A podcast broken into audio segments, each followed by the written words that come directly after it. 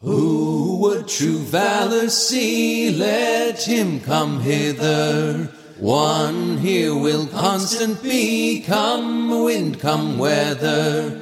There's no discouragement shall make him once relent his first avowed intent to be a pilgrim. Whoso beset him round with the dismal stories do but themselves confound his strength the more is. No lion can him fright, he'll with a giant fight, but he will have the right to be a pilgrim. All goblin nor foul fiend can daunt his spirits. He knows he at the end shall life inherit.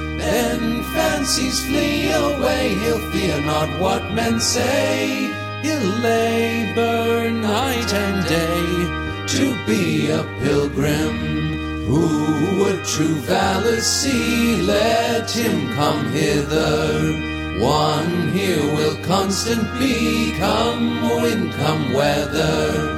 There's no discouragement shall make him once relent first avowed intent to be a pilgrim.